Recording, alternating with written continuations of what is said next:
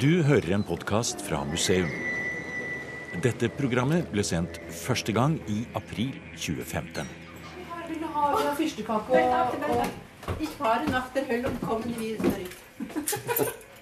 Har du kost deg med damene? Ja, det er veldig flott. De er så flinke. Du vet hva det der er? Det står nå blant de to som, som har arven videre. Ja da, jeg, jeg er som i en opera. Ja. De, de, de synger ut budskapet på en, en flott måte. ikke, Og det er Ikke. Det er eh, munter stemning på Hamar. Vi er i byens eldste bevarte hus. Her ble Kirsten Flagstad født, og her er Kirsten Flagstad-museet. Og det var gamlesjefen Ragnhild Nyhus som stakk nesa innom noen sekunder. I museum i dag skal vi bli bedre kjent med selve museet, men vi skal også snakke med en forfatter som kaster nytt lys over Landsvik-oppgjøret, som rammet eh, Kirsten Flagstad hardt. Det er Annika Aasen som leder museet, og vi skal via omveier først til privaten, som hun kaller det, for en kaffekopp. Det er flere avdelinger, det museet her, da, selv om det ikke er veldig stort. Nei, så vi, det er jo tre hus på plassen. Så vi kommer ut etterpå, kan vi få se litt mer av det. Men tre hovedhus, og nå er vi jo i Smia.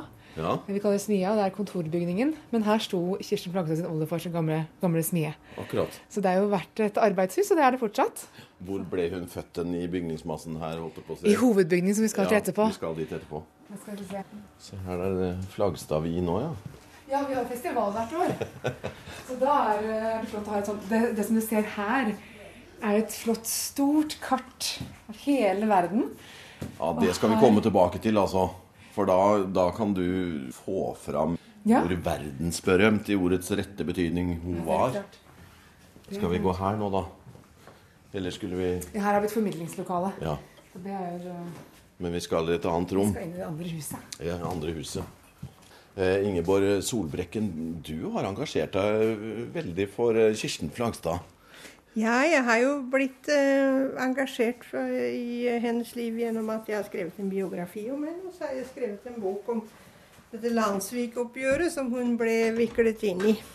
Ja. Og det er kanskje det som jeg eh, er her for i dag. Da, Ja da, for vi får komme tilbake. litt mer om det. Er du ofte her, eller? Nei, ikke så ofte. Men jeg har jo vært her noen ganger. Hvor søker man eh, kilder for eh, Flagstad-forskninga? For det er vel nesten det du da holder på med? Ja, hvis du skal søke det for det som har med Landsvik-oppgjøret å gjøre, så vil jo Riksarkivet være en, en stor uh, arkivkilde. Ja, Og avisarkivet også, selvfølgelig.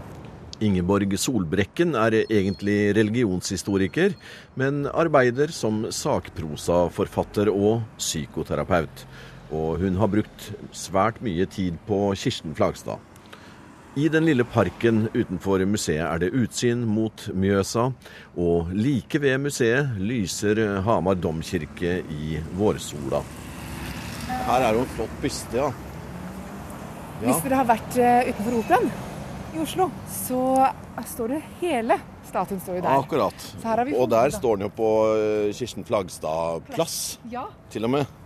Det var en veldig fin, gammel bygning. Født i 1895. 1895, ja. Ja, Og det her som dere kommer inn i nå, er faktisk Hamars eldste hus. er det det? Ja. Så historisk sett så er det jo viktig på mange, mange forskjellige måter. Ja. Men, det, og det er godt bevart. Ja, er det ikke det? Det er nydelig her inne. Så du har prøvd å få frem noe av det autentiske. Eh, Men selvfølgelig, planen, planen og huset er litt annerledes. Det er Ja. jo. Rommene er litt annerledes enn de var tidligere. Men vi har eh, formidlingslokale, vi har mulighet for folk for å høre på musikk. Vi Ja. har fantastiske kostymer. Når du kommer inn, en gang du kommer inn døra, så ser Oi, du jo Se her, ja. dette valkyrjekostymet her. det er en veldig kontrast å komme inn i det huset lavt under taket, og så bare plutselig se inn i, i operasalen på bildet på veggen der inne. Ja, det der er faktisk um, Metropolitan Det er Opera i New York. Metropolitan. Sånn som det ville sett ut hvis du sto på scenen og så ut. Som hun redda fra konkurs, har jeg Ja, lest til og ja. med. ja, det, Det er jo utrolig. Hvor skal vi være? Vi skal, Vi skal gå opp. på det som vi liker å kalle privaten. Må være litt forsiktig, for dette er ganske bratt trapp. Det skal gå bra. Sånn er det jo ofte gamle hus. Ja, den var bratt på den.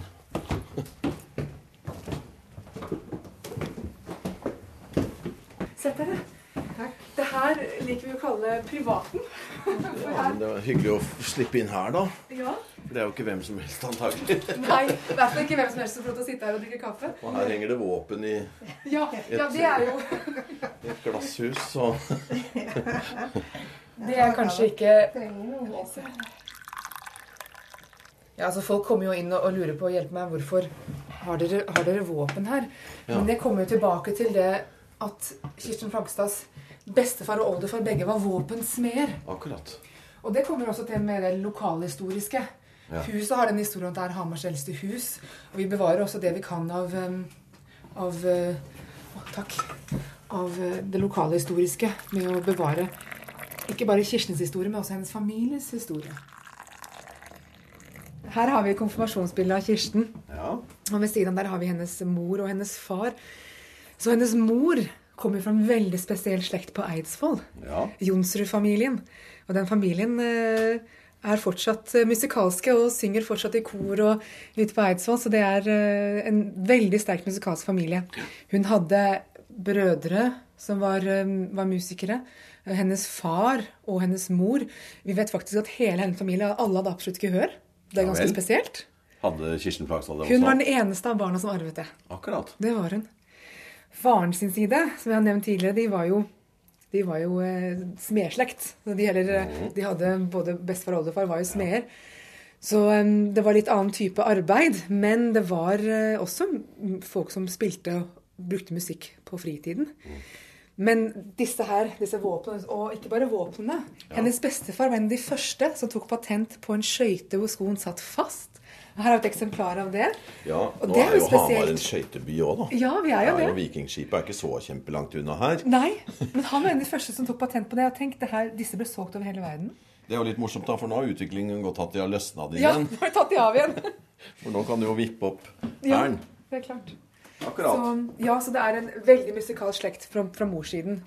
Men faren til Kirsten han var jo også musiker. Han var fiolinist. Han var, han var dyktig også. Hadde posisjoner i, i hovedstaden, både som kapellmester og Det som kanskje er verdt å, å legge merke til når man ser disse to familiesidene, det er at de er så veldig forskjellige i statur. Altså Jonsrudene det var vevre, små mennesker, mens Flaggstadene det var grove, sterke, Ja, staute folk som drev med jern og, og, og ild. ja. Og det er noe med at eh, Kirsten Flakstad var så heldig at hun eh, arvet sin mors slekts musikkgeni og sin fars slekts kroppsform. Akkurat. For man kan ikke være liten vever eh, hvis man skal fylle store Nei, Wagner-roller. Da å være dramatisk sopran, så må du ha kropp, ja. ja. Så hun var heldig der hun fikk disse to sidene. Som var en stor forutsetning for at hun kunne bli den enorme sangeren hun ble. Museum er på Kirsten Flagstad-museet på Hamar. Det er leder for museet, Annika Aasen, som viser oss rundt i de små, rikholdige avdelingene, som forteller om livet til vår mest bejublede sangerinne noensinne. Forfatter og Flagstad-spesialist Ingeborg Solbrekken er med for å kaste nytt lys over landssvikoppgjøret, som Kirsten Flagstad ble hardt rammet av. Solbrekken fikk tidlig sin første dose Flagstad-sang. Det var en mørk vinterkveld, og det var ikke så mye å slå ut på i den fjellbygda der. Det var noen misjonsmøter fra tid til annen, men det hadde jo også en slags begrensning hvor mye man kunne få ut av dem. Så min bestemor hun var en ivrig radiolytter, og den gangen hadde jo radioen en helt annen betydning enn den hadde i dag. Den Ja. var i grunnen at du fikk verden inn i stua når radioen sto på. og Det var jo ikke den gangen var det ikke stygge radioapparater sånn som det er i dag. De var nesten som møbler med gullkantede skrifter, og man kunne liksom stille på knapper for å se hvor i verden man ville peile seg inn. ja. Og rent tilfeldig så satt jeg der en kveld, jeg tror jeg måtte ha vært en åtte-ni år kanskje, og peilet meg inn på forskjellige stasjoner, og da hørte jeg plutselig en sånn enorm stemme. Så jeg prøvde å finstille, virkelig få bort mest mulig skurr. Og det, var, det kan jeg liksom aldri glemme, den stemmen som kom meg i møte fra radioen. Og det var Kirsten Flagstad. Og da, siden da så har hun hatt en veldig spesiell plass i mitt hjerte. 'Stemmen' og 'Galskap og rettergang'. Det er to bøker du har eh, skrevet, og det er eh, Kirsten Flagstad. Og nå er du i, gang med et eh, Eller kanskje snart ferdig med et nytt prosjekt. Hvor, hvorfor denne store Flagstad-interessen? Ja, det siste prosjektet er på en måte en avlegger av denne boken eh, 'Galskap og rettergang' om eh, Landsvik-oppgjøret som hun ble dratt inn i. Eh, så det er ikke direkte om henne, men det er om Landsvik-politiets bruk av provokatører, tidligere kriminelle og gestapister i oppgjøret, og der kommer faktisk hennes historie også inn. Så det er ikke direkte om henne, men hun er med i den. Nå har du fortalt allerede om eh, et møte i radioen i eh, din barndomsbygd, hvor du hørte Kirsten Flagstad, og det satte seg eh, kraftig. Men så har du da også gjort til mye av livsverket ditt, da? Ja, en annen ting som satte seg kraftig hos meg da jeg leste hennes biografi, det var jeg, når jeg skjønte hvor mye hun ble mobbet. For nå har vi hørt en veldig glansfull uh, historie om en ja. formidabel karriere, om en kunstner i, i ypperste verdensklasse som har blitt bejublet fra både øst og vest. Men det fins også et annet bilde. Det fins en kunstner som står på en scene som får alle mulige ukvemsord slengt etter seg. Det kastes stinkbomber etter, som det ropes etter, som får alle mulige beskyldninger mot seg i pressen. Det fins også et slikt menneske, og hun har, har også skjedd? truffet meg. Det har skjedd i Amerika og i Norge. Det skjedde ikke stort sett i Mellom-Europa. Ja, og hvorfor skjedde det? Det var eh, mange årsaker til det. Eh, en årsak er at hun ble koblet til Wagner og hans eh, antisemittisme. Men det var kanskje ikke det, den største grunnen, for det er jo veldig mange som har sunget Wagner uten å bli eh, mobbet av den grunn. Så det var nok eh, mest at hun ble slått i hartkorn med sin mann, som da var medlem av NS til 41, hvor han meldte seg ut, og som også handlet med tyskerne. Det var Henry, det var Henry Johansen, Johansen, som hadde veldig mange trelastbedrifter. Men det heller var ikke nok, fordi at eh, under Landsvik-oppgjøret så var det en del kriminelle provokatører som satte ut et rykte om at han var eh, president i en nazi-undergrunnsbevegelse som hadde stor kapital rundt omkring i utlandet, og denne kapitalen gjaldt det da å få tak i. Og Derfor så fikk da han et erstatningskrav mot seg på hele 750 millioner kroner. Kan du tenke deg det?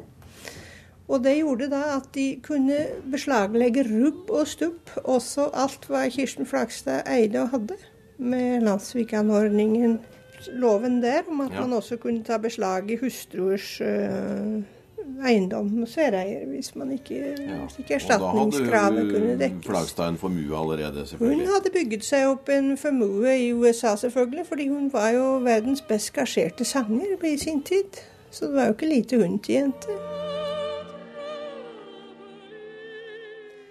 Men det verste var jo at norske myndigheter, de eh, gjennom da Utenriksdepartementet og ambassaden i Amerika, så prøvde de da å få amerikanske myndigheter til, som det står i dette brevet som vi har i denne mappen, det er fra ambassaden i Washington. Det er datert 12.10.1945. Mm. Og her skrives det da til Utenriksdepartementet at man da prøver å få amerikanske myndigheter til å betrakte Kirsten Flagstads formue på samme måten som Henry Johansens, altså en krigsprofitør, en en krigsforbryterkapital.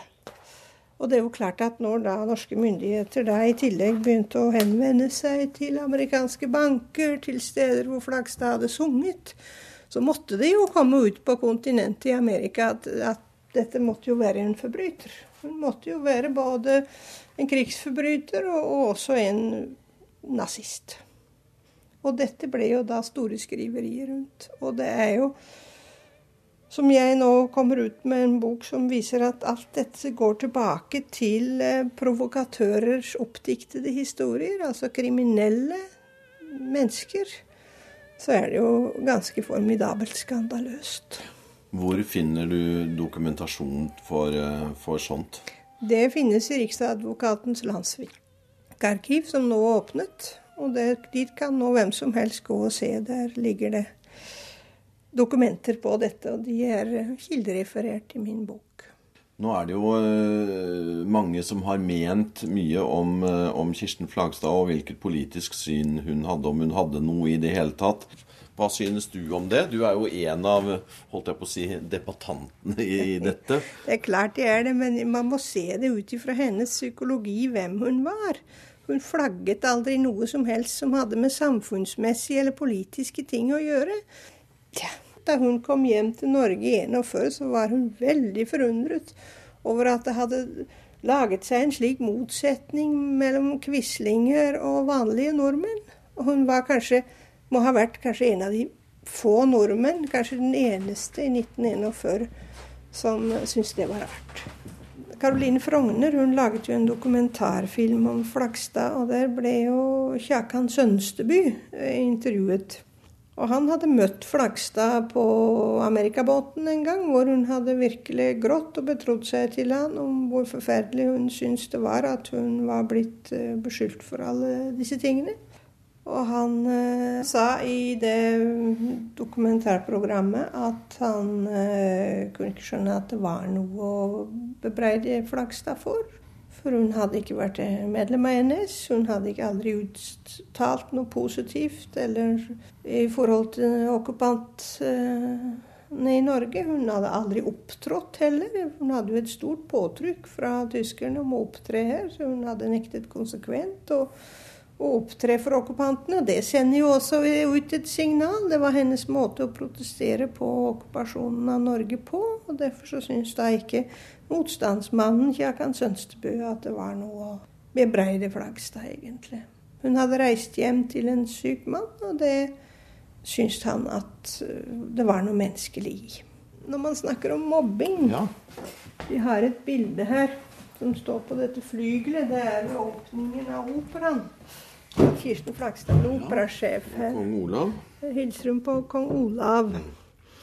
Og Kirsten Flakstad er kanskje en av de få nordmenn hvor også kongehuset har deltatt i en mobbing.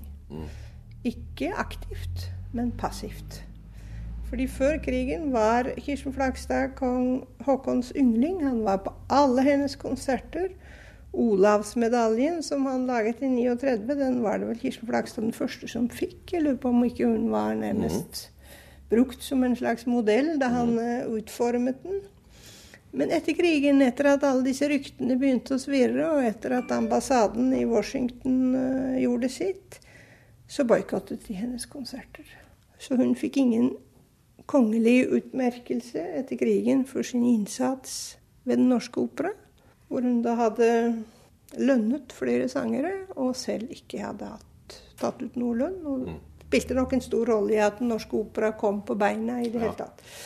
Så, og det var jo ingenting annet enn en krigen og disse ryktene som gjorde det. Og det er klart at det at når hun har sin avskjedskonsert på Nationaltheatret, at kongelosjen står tom, at kong Haakon nektet å åpne Festspillene i Bergen hvis hun skulle synge samtidig Tenk deg hvilken signaleffekt det gir til et folk.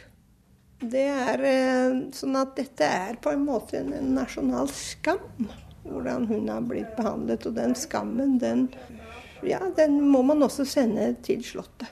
Etter krigen måtte Flagstad, pengelens som hun var, ut og synge til livets opphold. Mobbingen var aggressiv, og hun ble utsatt for trusler og måtte ha livvakter husker spesielt et brev hun hadde fått fra en dame som skrev at hun skulle stå få, Enten skulle hun klare det, men hun skulle få leid inn noen til å stå vakt, stå med en, en bøtte med syre ved siden av sceneteppet som de skulle kaste på henne i det øyeblikket hun kom. ikke sant? Det er klart at Når du lever med slike trusler, det er, det er ikke noe hyggelig liv. Det er det neimen ikke.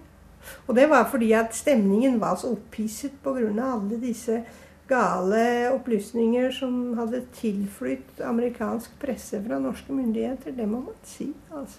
Det var ikke noe amerikanerne fant opp. De, Det var opplysninger som kom fra Norge og gjennom ambassaden. Men det tar lang tid Ja. å renske opp et rykte, men det tar jo så kort tid å få det ut. Ja, ikke sant? Og så ligger den der, og så vokser den, og så vokser det. Og så blir det, blir det vanskelig. Så det var jo ikke rart at hun tra ønsket å trekke seg vekk. Det var Er jo det ikke et det. tema på museet her også? Alt Ja, det. ja så det er, det er det faktisk. Vi, vi har lenge ønsket og jobber med å kunne få en utstilling som omhandler krigen. Fordi det er, et, det er en så viktig del av hennes liv, og Ja. det, det må frem. Ja. Til nå så formidler vi jo det når folk kommer, for folk er Mm. jo interessert i den, i den tiden. Men vi har ikke noe, noe rom eller noe, noe sted folk kan gå inn og, og vi virkelig fordypet seg i den saken. Eh, Så det Men den kan komme? En det, sånn det skal komme. Det skal komme. Når, eh, når det blir midler til det, og når vi får, eh, får muligheten, så skal det helst så fort som mulig, selvfølgelig. Du, så, så stilig at det går an å få til så flotte ting i et, i et så lite gammelt hus. Ja, det er ikke fantastisk. Og alt det her, tenk på mye av det hadde ikke vi fått til hvis ikke vi har en fantastisk venneforening. Selvfølgelig med kostymer så er det noe av det vanskeligste vi jobber med. Ja. Dette med temperatur og lys, og, og, og det er viktig at vi bevarer det for, for fremtiden. Og det er faktisk der disse kostymene her står, i det hjørnet der, at Kirsten ble født. Der sto senga Ja vel. Når hun ble født her. Ja.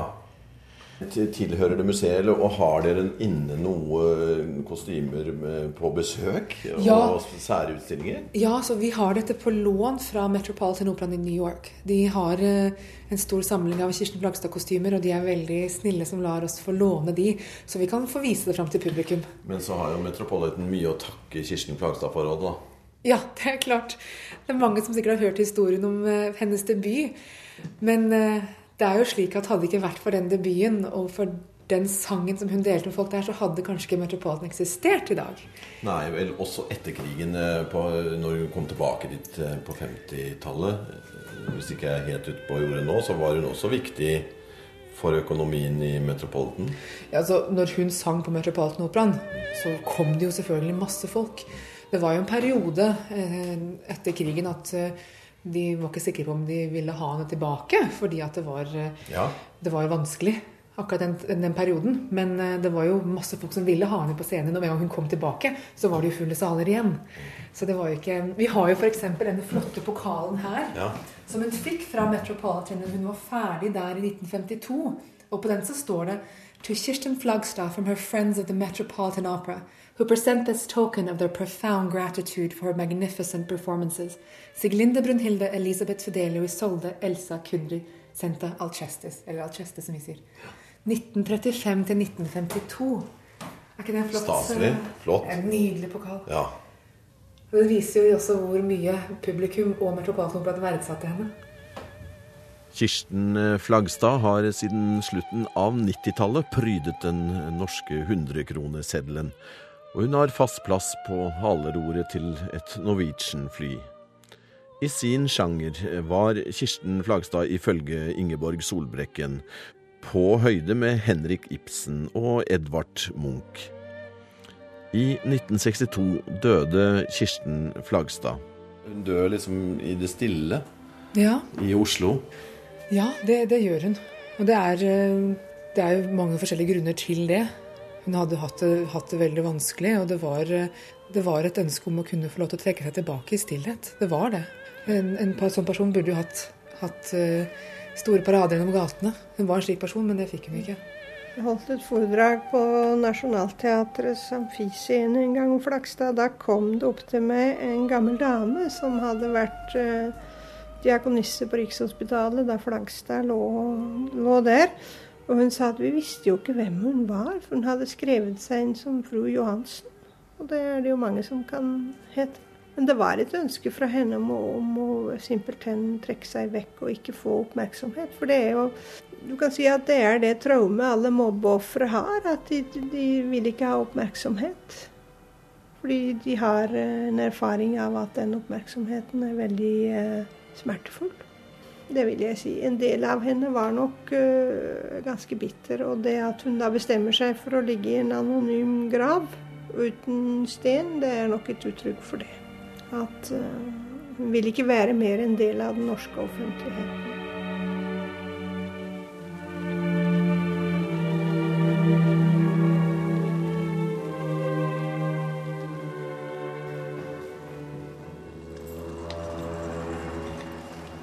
Har hørt en podkast fra NRK P2.